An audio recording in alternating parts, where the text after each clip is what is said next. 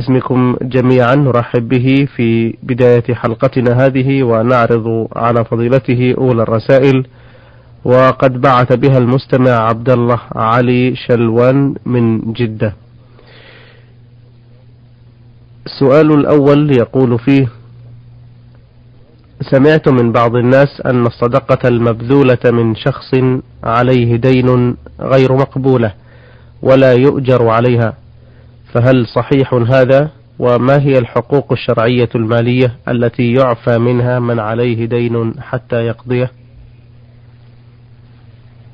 الحمد لله رب العالمين وأصلي وأسلم على نبينا محمد وعلى آله وأصحابه أجمعين. الصدقة من الإنفاق المأمور به شرعا والإحسان إلى عباد الله إذا وقعت موقعها. والإنسان مثاب عليها وكل امرئ في ظل صدقته يوم القيامة. وهي مقبولة سواء كان على الإنسان دين أم لم يكن عليه دين. إذا تمت فيها شروط القبول بأن تكون بإخلاص لله عز وجل ومن كسب طيب ووقعت في محلها. فبهذه الشروط تكون مقبولة بمقتضى الدلائل الشرعية.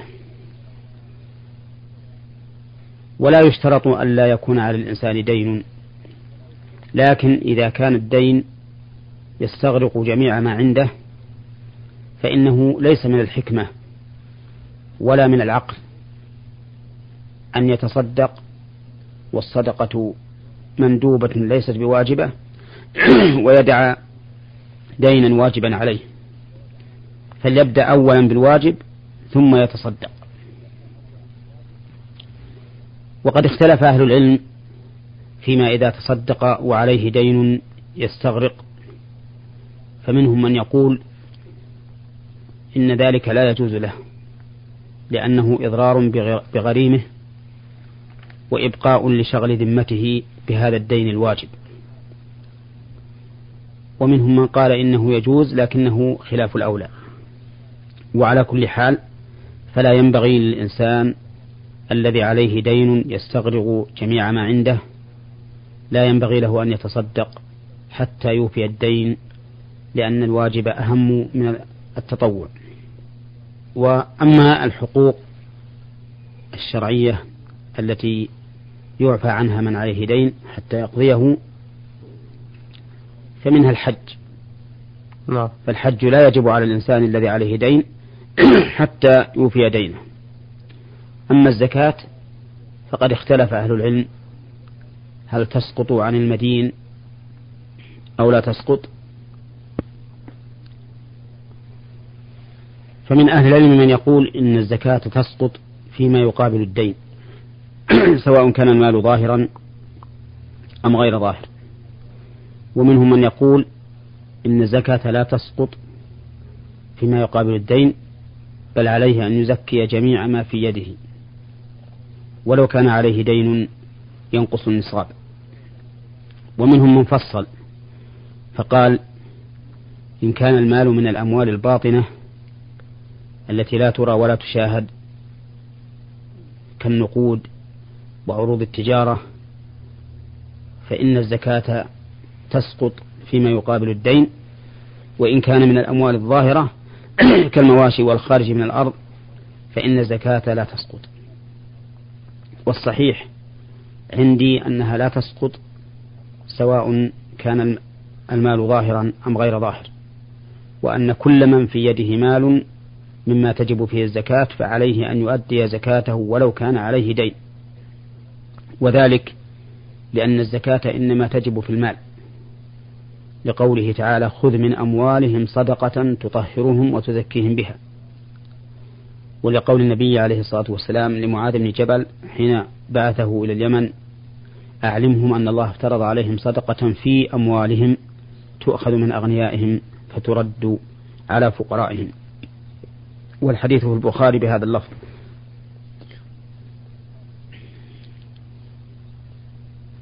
ولهذا ولهذا الدليل من الكتاب والسنة تكون الجهة منفكة فلا تعارض بين الزكاة وبين الدين. الجهة منفكة لأن الدين يجب في الذمة والزكاة تجب في المال.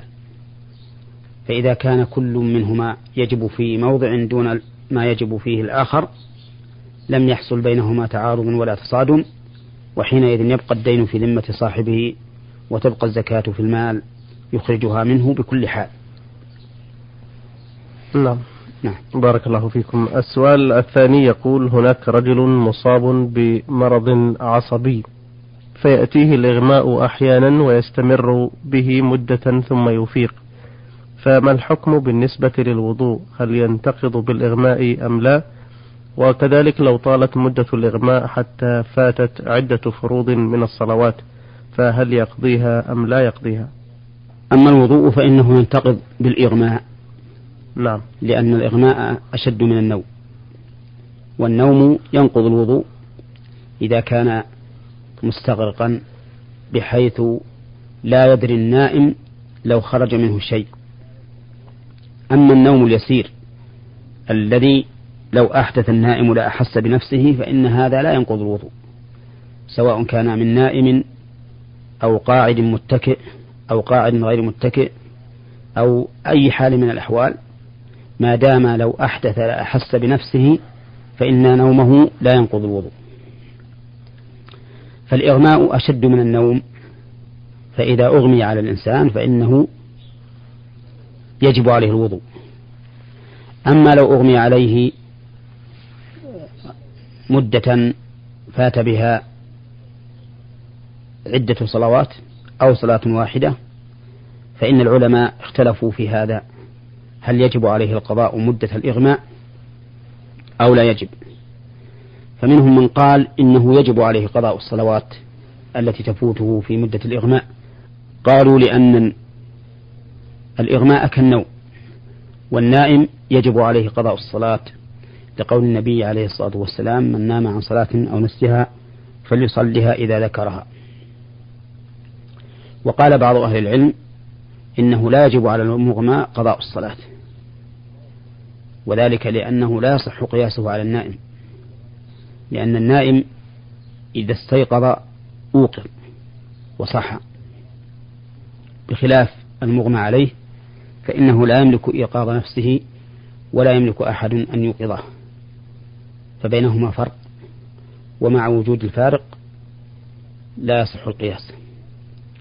ولكن الاحتياط والأولى أن يقضي إبراء لذمته ثم إن كان هذا واجبا عليه بأصل الشرع أو بمقتضى الشرع فقد أبرأ ذمته وإن لم يكن واجبا عليه فإن ذلك يكون تطوعا يؤجر به عند الله.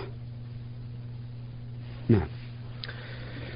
أه السؤال التالي من المستمع وردي محمد الوردي من سوريا. يقول كان لأخي الشقيق ابن رضيع وقد عملت والدته عملية جراحية فقامت أمي بإرضاعه فهل يجوز له أن يتزوج من ابنتي أو من بنات أحد أعمامه الآخرين أم لا؟ إذا كان هذا الطفل قد رضع من من أمك خمس رضعات فأكثر فإنه يكون ابنا لها. وإذا كان ابنا لأمك كان أخا لك ولإخوانك. وعلى هذا فلا يجوز له أن يتزوج بأحد من بناتك أو بنات إخوانك لأنه يكون عما لهم. ولا يتزوج كذلك أحدا من أخواتك أو من بنات أخواتك لأنه أخ لهن وخال لبناتهن. هذا إذا كان الرضاع خمس رضعات فأكثر في مدة الرضاع وهي إما حولان على المشهور وإما قبل الفطام على القول الثاني. أما إذا كان الرضاع أقل من خمس رضعات فإنه لا يؤثر شيئا ولا يكون الراضع ابنا للذي رضع منها أو للتي رضع منها. وحينئذ فإنه يجوز أن يتزوج من بناتك لأنه ليس خالا لهم. أه الرسالة التالية بعثت بها المستمعة السودانية لم توضح اسمها. أه بعثت بثلاث أسئلة في سؤالها الأول تقول إنها فتاة متزوجة. وقد حصلت مشاكل بينها وبين أهل زوجها فقالت لأم زوجها ابنك مثل أخي. تقصد من ذلك تحريمه عليها كما يحرم أخوها. وقد امتنعت عن زوجها بسبب كلامها ذلك. فما الحكم في مثل هذا القول إذا صدر من المرأة؟ الحكم في هذا القول أنه لا يحل لها أن تنطق بهذا النطق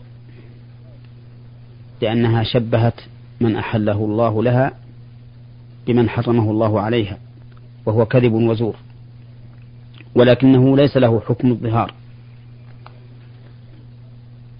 أي أنه لا يلزمها أن تكفر كفارة ظهار لأن الله تعالى خص الظهار بالرجال حيث قال والذين يظاهرون من نسائهم ثم يعودون لما قالوا. لكنه بالنسبة للمرأة إذا قالته لزوجها يلزمها كفارة يمين.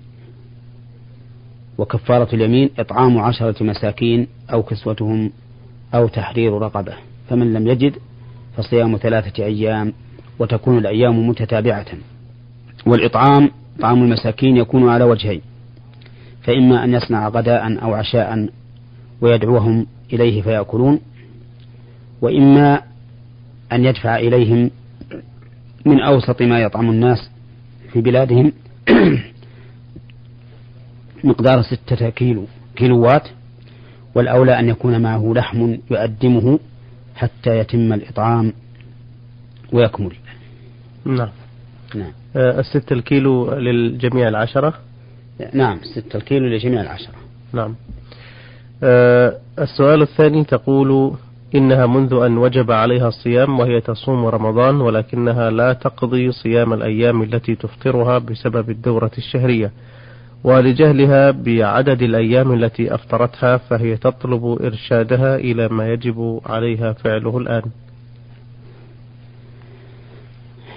يؤسفنا أن يقع مثل هذا بين نساء المؤمنين فإن هذا الترك يعني ترك قضاء ما يجب عليها من الصيام إما أن يكون جهلا وإما أن يكون تهاونا وكلاهما مصيبة لأن الجهل دواؤه العلم والسؤال. وأما التهاون فإن دواءه تقوى الله عز وجل ومراقبته والخوف من عقابه والمبادرة إلى ما فيه رضاه. فعلى هذه المرأة أن تتوب إلى الله عز وجل مما صنعت وأن تستغفر وأن تتحرى الأيام التي تركتها بقدر استطاعتها فتقضيها. وبهذا تبرأ ذمتها ونرجو لها أن يقبل الله توبتها. أه السؤال الأخير تقول ما هي تقول ما هي الأذكار والأدعية المشروعة التي تقال بعد الانتهاء من كل صلاة؟ وهل هناك فرق بين الأدعية بالنسبة للصلوات بمعنى هل لكل صلاة دعاء خاص بها أم هو دعاء واحد وذكر واحد يقال بعد كل صلاة وما هو؟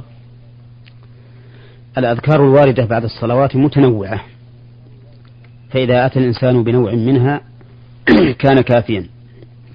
لأن العبادات المتنوعة يجوز بل يشرع للإنسان أن يفعلها على تلك الوجوه التي أتت عليها.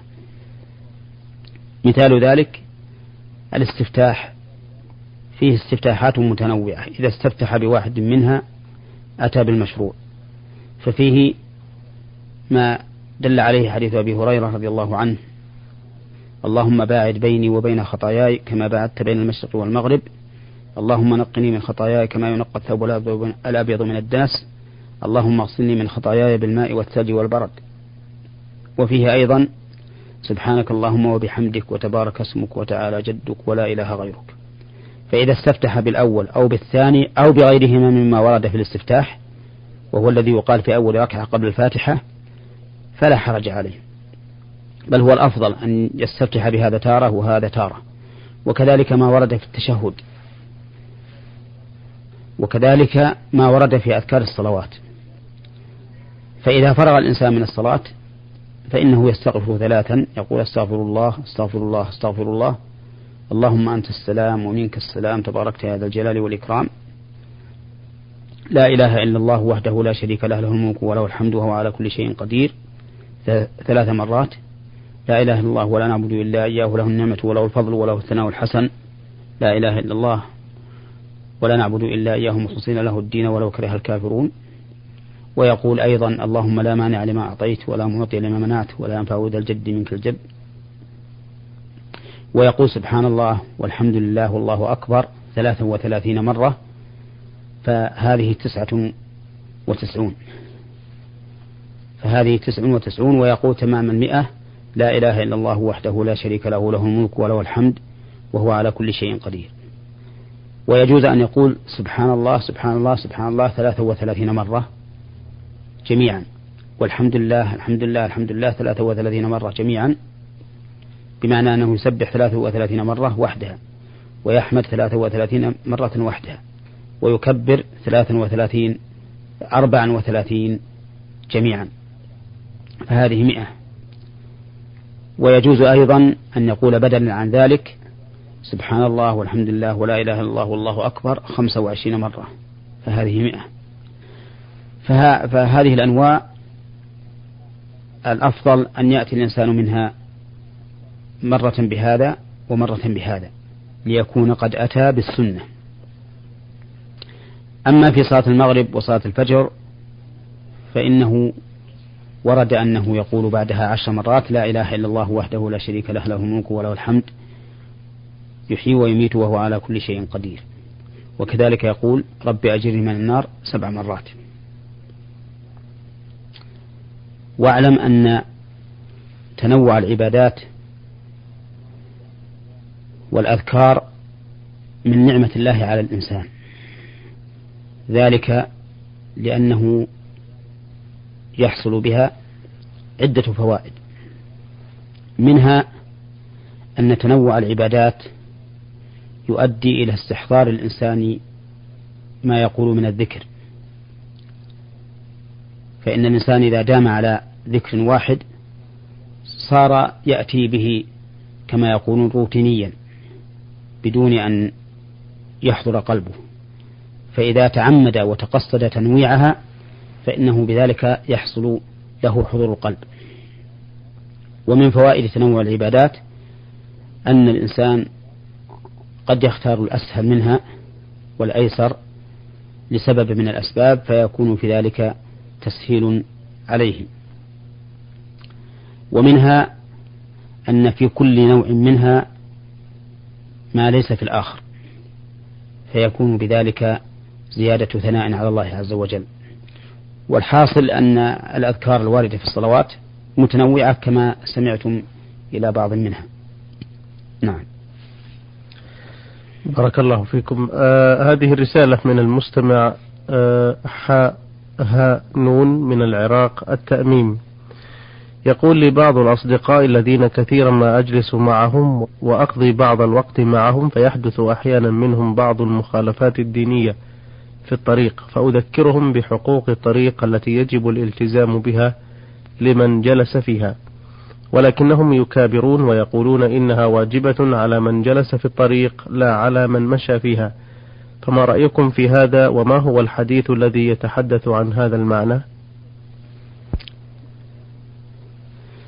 رأينا في هذا أن ما ذكروه من أن هذه الحقوق إنما جاءت في من يجلس على الطريق لا في من يمر به. هو صحيح.